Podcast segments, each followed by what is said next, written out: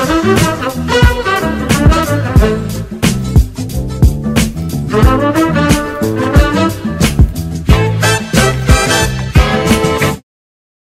datang di Lini Podcast Ngobrol lebih dekat tentang gaya hidup sehat. Halo teman sehat, bertemu lagi dengan saya Ahmad di Lini Podcast edisi spesial Ramadan. Nah, di episode sebelumnya kita sudah ngomongin tentang puasa dan lingkar perut. Gimana puasa bisa menurunkan lingkar perut Nah, hari ini kita akan membahas dengan topik yang sudah uh, ditunggu-tunggu tentunya Dan cukup menarik yaitu benar nggak sih puasa bisa menurunkan berat badan?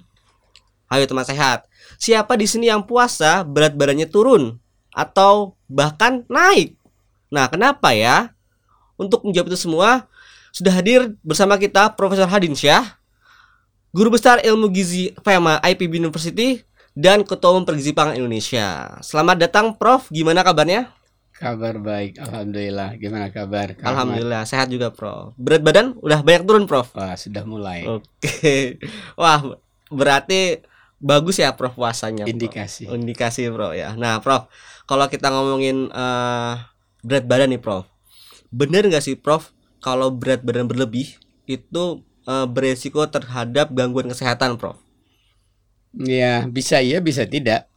Uh, tergantung uh, kondisi seseorang tadi ya. Kalau berat badannya tadi berlebih, disertai memang lemak yang berlebih karena dia bukan seorang atlet ya tapi kalau uh, kelebihan berat badan tadi karena dia seorang atlet yang ototnya besar, tentunya ya tidak itu untuk mengganggu kesehatan. Jadi tergantung pertama tentunya cara mengukurnya dan konteks orang tadi apakah dia beratnya tadi karena karena uh, otot atau karena lemak. Jadi kalau ukurannya hanya sekedar indeks massa tubuh, ini tentunya nggak nggak bisa langsung disimpulkan kelebihan berat badan itu akan berisiko pada gangguan kesehatan. Harus dicek lagi apakah seseorang tadi yang kelebihan berat badan tadi atlet banyak otot atau tidak. Intinya kan sebenarnya yang mengganggu kesehatan tadi karena kelebihan lemak yang sederhananya karena kelebihan berat badan, tapi perlu dikonformasi. Oh, jadi nggak semua yang kelebihan berat badan itu beresiko terhadap gangguan kesehatan, Prof. Ya? Iya. Nah, kalau kita mau tahu nih, Prof, mau tahu uh, kita ini beresiko apa kita ini berat badannya berlebihnya itu karena otot atau karena lemak itu gimana caranya, Prof?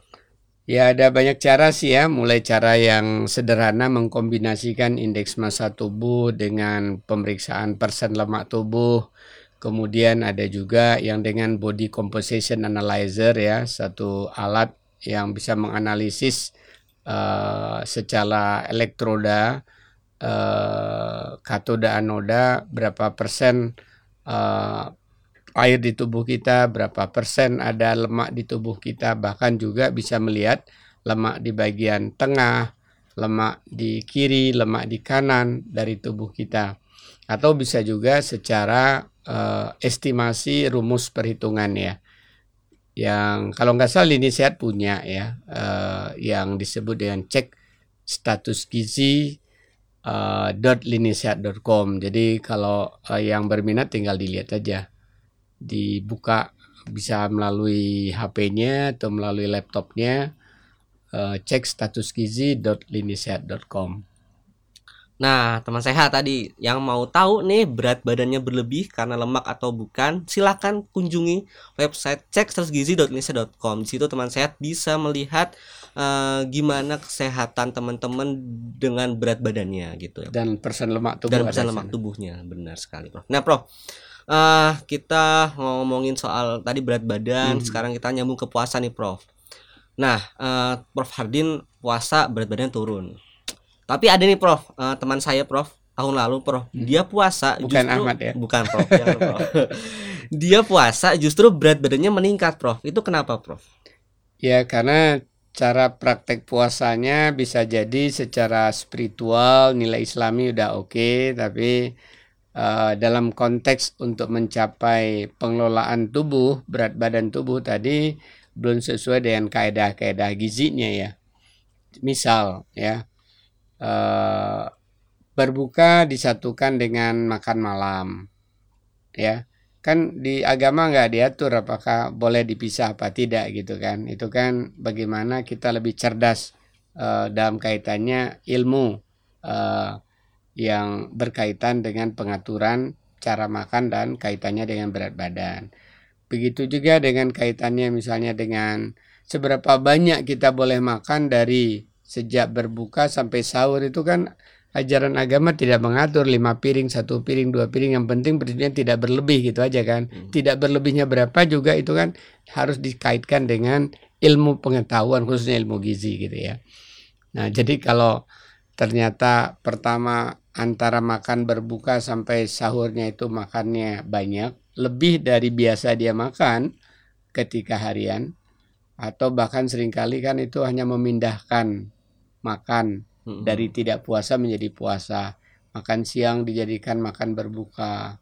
Makan malamnya tetap lebih banyak lagi ya. Karena takut lapar gitu ya. Makan sahurnya dianggap memindahkan sarapan yang tapi ditambah lagi lebih banyak karena takut nanti lapar gitu ya. Nah, ya pasti jadi bukan defisit tapi positif eh, energi kalori jadinya ya. Kemudian tambah lagi biasanya siang hari bekerja ya jam 7 sampai jam 4. Sekarang kerjanya cuma jam 8, jam 2 atau jam 3. Terus biasanya olahraga terus nggak olahraga. Artinya kan udah pengeluaran energinya berkurang ya karena takut terus takut takut takut lapar aja bawaannya gitu ya jadi mindsetnya barangkali yang nggak nggak benar dikaitkan dengan perilaku makan dan istirahat dan aktivitas fisiknya nggak benar hmm. dan itu ada penelitian yang menunjukkan itu jadi puasa Ramadan misalnya di itu penelitian 20 tahun yang lalu ya pada ibu-ibu di Malaysia itu meningkatkan berat badan. Mungkin karena ibu ini bukan ibu-ibu pekerja, pekerjaannya semakin ringan, nambah waktu tidur di siang hari, biasanya tidurnya sejenak gitu ya, bisa bisa jadi. Uh, Prof, uh, berarti justru kalau puasa kalau nggak benar bisa uh, menaikkan berat badan Prof. Nah, Betul. Kalau gitu gimana Prof cara puasa yang biar kita bisa turun berat badannya Prof? Ya, kalau kita tadi sambil melaksanakan ibadah spiritual puasa Ramadan, tapi kita ingin mengambil hikmah untuk sekaligus mengendalikan berat badan, terutama menurunkan tadi ya. Kalau tadi untuk meningkatkan berat badan, cara tadi benar kan? Kalau dia kurus kerempeng tapi di puasa ingin meningkat ya tadi caranya tetap makannya banyak, kemudian istirahatnya di, diperbanyak.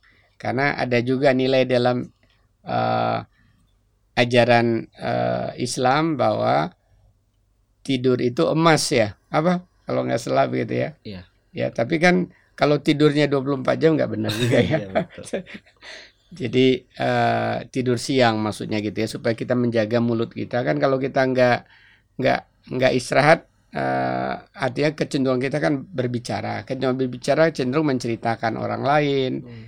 Uh, bisa jadi nanti jadi terbawa gunjing itu kan membatalkan puasa. Jadi dalam konteks itu ya maksudnya mulut kita ini dikunci ya. Nah, oke, okay, jadi puasa seperti apa? Ya pertama tentunya uh, secara prinsip umum kita harus ciptakan defisit uh, energi, tapi tidak seperti halnya oh, diet-diet yang ekstrim itu tidak ya. Jadi gampang aja sederhana tanpa menghitung-hitung kalori lah. Jadi pertama eh, bagaimana ketika kita berbuka sesuai dengan sunnahnya berarti kan sesegera mungkin berbuka harus kita batalkan ya. Kemudian ketika berbuka tadi cukup ya beberapa uh, potong atau satu potong atau satu butir buah yang manis dan berserat ya. Artinya buah segar ada airnya. Kemudian uh, ada kadar uh, gula fruktosa biasanya kalau di dalam buah bisa kurma. Satu butir kurma itu hanya sekitar 20 uh, 25 kilokalori. Jadi nggak nggak nggak problem lah ya. Uh, jangan takut bahwa itu akan uh, menjadi kan sering kali di, disebut-sebut kelebihan gula meningkatkan jadi lemah itu kalau kelebihan ini orang lagi lagi lapar menjelang maghrib hanya ditambah 20 kalori 25 kalori nothing nggak ada itu efeknya terhadap uh, peningkatan berat badan tapi itu justru adalah untuk memulihkan sedikit kekurangan glukosa di sore hari tadi dan itu jadi masa transisi lambung kita untuk mempersiapkan makan malam setengah jam atau satu jam atau dua jam berikutnya.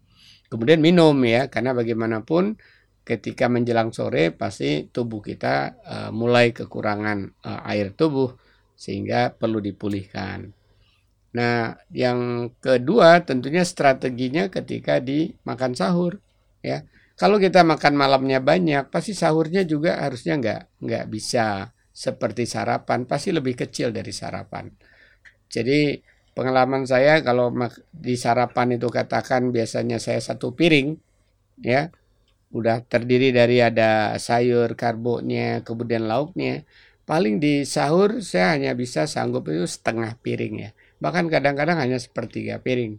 Diakhiri dengan dua gelas air gitu ya. Jadi saya pikir uh, cara mengelola makan mulai dari berbuka sampai sahur itu kunci sebenarnya bagaimana dengan apa yang saya katakan tadi kita sudah mengurangi jumlah di berbukanya berarti artinya setara makan siang itu udah nggak ada itu berarti udah defisit sekitar 500 kalori makan siang kita kadang-kadang 600 kalori ya ya jadi uh, dengan defisit demikian kemudian kita lama selama 14 jam tidak uh, makan dan minum mulai dari imsak di saat itulah terutama uh, setelah 5-6 jam makan sahur mulai terjadi kekurangan uh, gula darah.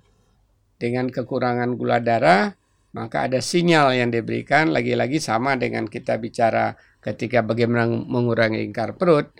Insulin tadi menurun karena gula darah menurun, maka kesempatan buat pankreas untuk bekerja memperbaiki uh, sel-sel betanya yang menghasilkan insulin tadi sementara ini memberi sinyal kepada uh, gen supaya gen uh, adipop supaya hormon adiponektin yang dia juga ini ber, ber, ber, uh, bekerja uh, bersama hormon grelin namanya ya. Jadi kalau adiponektin kita meningkat, memerintahkan pemecahan dari uh, lemak, dia juga memberi sinyal kepada uh, grelin untuk turun. Kalau grelin kita turun, hormon grelin ini hormon nafsu makan.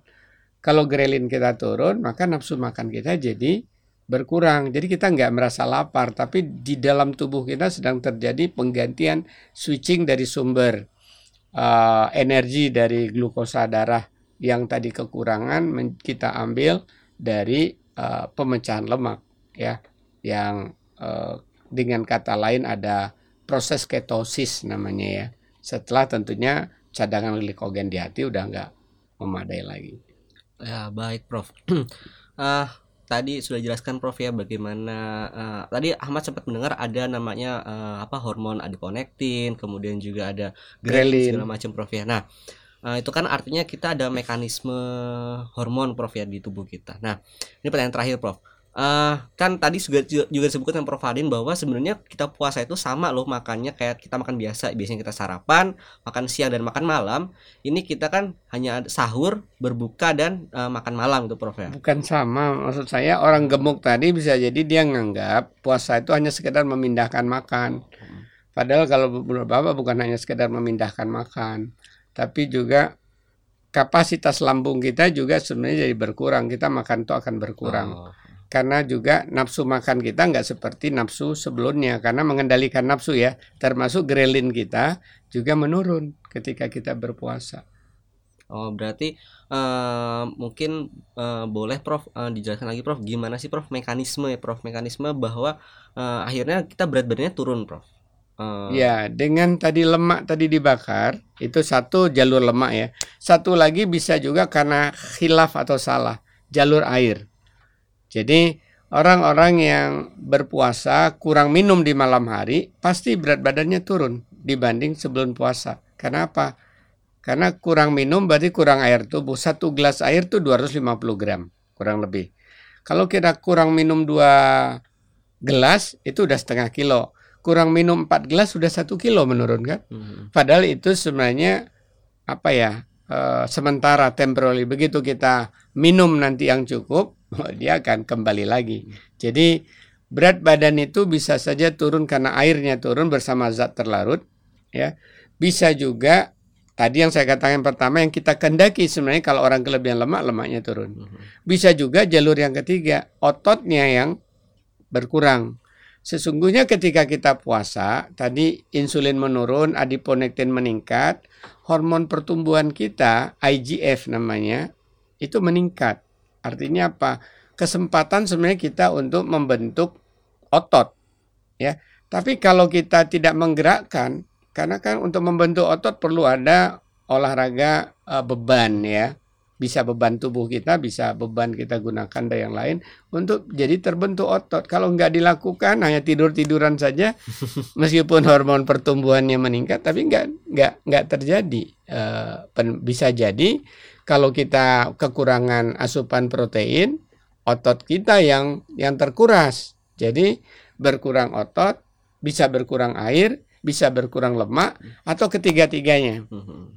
Nah, bedanya dengan very low calorie diet yang uh, beberapa masa yang lalu itu tren ya, itu yang banyak berkurang itu sebenarnya adalah air dan zat terlarut ya hanya sekitar 60 persennya adalah lemak tapi kalau dengan puasa yang baik dan benar ya itu bisa sampai 80 persen itu lemak yang hmm. terkurang yang berkurang bahkan bisa sampai 90 persen sesungguhnya lemak yang terjadi penurunan berat badan. Jadi misalnya penelitian meta-analisis nih untuk di kawasan Asia. Berat badan itu selama sebulan puasa bisa menurun 3,7 kg rata-rata. Ya. 3,7 kg. Jadi kalau 90 persennya itu adalah lemak, berarti kita bisa menguras lemak 3,5 kilo. Dan sebagian besar lemak itu adalah lemak bagian tengah yang udah kita bicarakan sebelumnya. Wah. Ya, jadi uh, bagi teman sehat yang mau puasa dengan baik dan yang benar itu benar-benar loh bisa menurunkan berat badannya gitu. Baik, Prof. Untuk yang terakhir, Prof, boleh Prof dikasih closing statement, Prof? Oke. Okay. Semuanya, Prof. Baik, uh, sahabat saya semua, topik kita pada hari ini adalah apakah puasa bisa menurunkan berat badan? Ya, bisa menurunkan, bisa tidak menurunkan, tergantung pertama cara puasa yang kita lakukan, ya.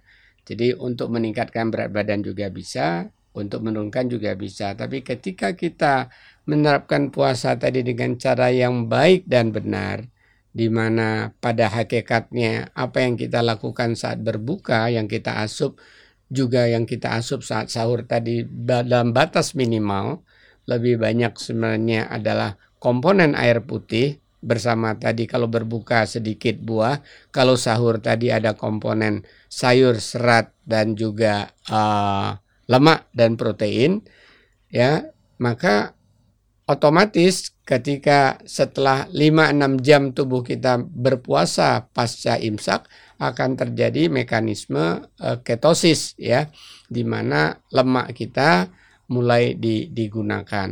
Nah, kalau kita ingin yang menurunkan berat badan tadi adalah sebagian besar lemak, itulah cara yang perlu digunakan. Tapi kalau kita tadi ingin sebenarnya turun berat badan ini karena air dan itu tidak dianjurkan, ya bisa jebak akhirnya jadi lemes, itu mudah juga kan, gak usah cukup minum gitu kan. Kalau dianjurkan misalnya 6 gelas di luar air dari makanan, kita minum aja selama malam hari sejak berbuka itu hanya tiga gelas itu hampir 3 per 4 kilo udah turun badan kita. Tapi itu bukan cara yang dianjurkan. Cara yang dianjurkan tentunya adalah sebagian besar yang kita kuras adalah lemak. Kecuali kalau yang kurus tentunya ya, kita justru memanfaatkan supaya otot yang terbentuk. Karena itu olahraga beban harus dilakukan. Kapan baiknya? Bagusnya ya sejam sebelum berbuka atau sejam menjelang berbuka karena itu puncak-puncak di mana uh, hormon yang diperlukan tadi untuk pembentukan otot tadi meningkat. Baik, demikian podcast pada episode hari ini. Sampai jumpa di episode berikutnya yaitu apa ya baiknya puasa bagi lambung dan usus. Dan jangan lupa untuk tetap saksikan ini podcast eksklusif di channel YouTube maupun Spotify Lini Sehat. Jangan lupa untuk patuhi protokol kesehatan dan jangan lupa untuk bahagia. Sampai jumpa.